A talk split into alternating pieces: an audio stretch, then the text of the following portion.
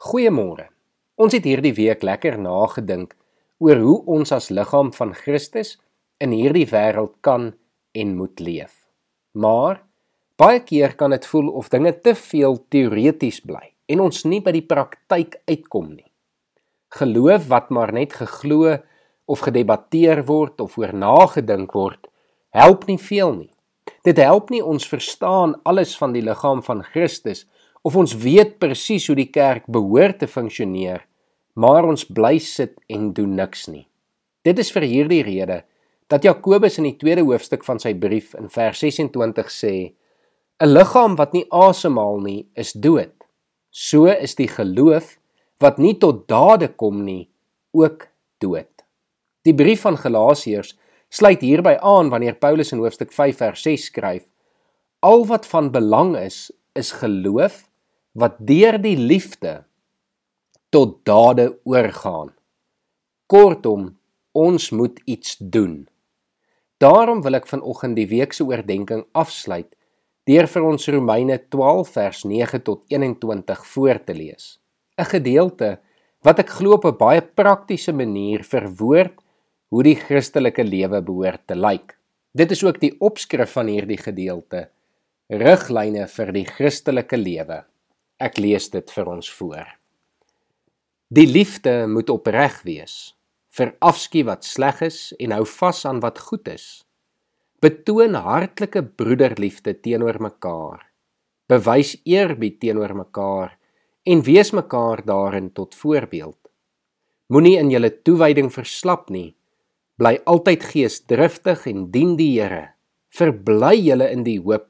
Staan vas in verdrukking volhard in gebed. Help die medegelowiges in hulle nood en lê julle toe op gasvryheid. Seën julle vervolgers. Ja, seën hulle. Moet hulle nie vervloek nie. Wees bly saam met die wat bly is en treur saam met die wat treur. Wees eensgesind onder mekaar. Moenie hooghartig wees nie, maar skaar julle by die nederiges. Moenie eie wys wees nie, Moenie kwaad met kwaad vergeld nie. Wees goedgesind teenoor alle mense. As dit moontlik is, sover dit van julle afhang, leef in vrede met alle mense.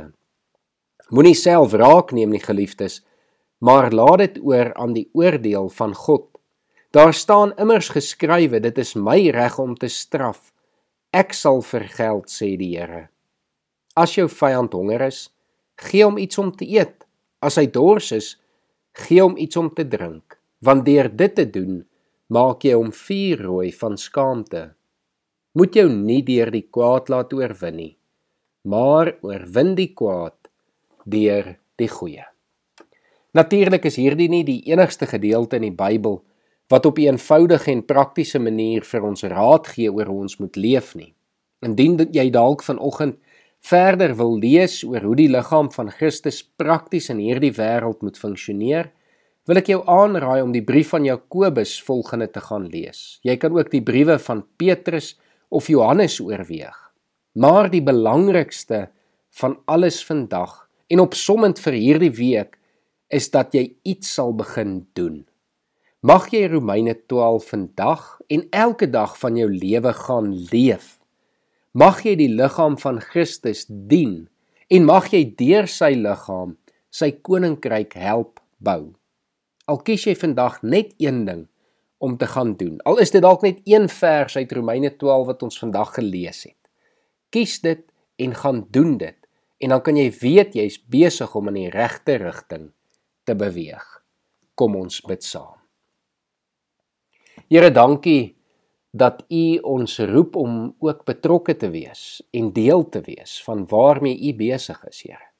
Dankie dat u ons seën met gawes, dat u in ons lewens werk sodat ons kan vrug dra.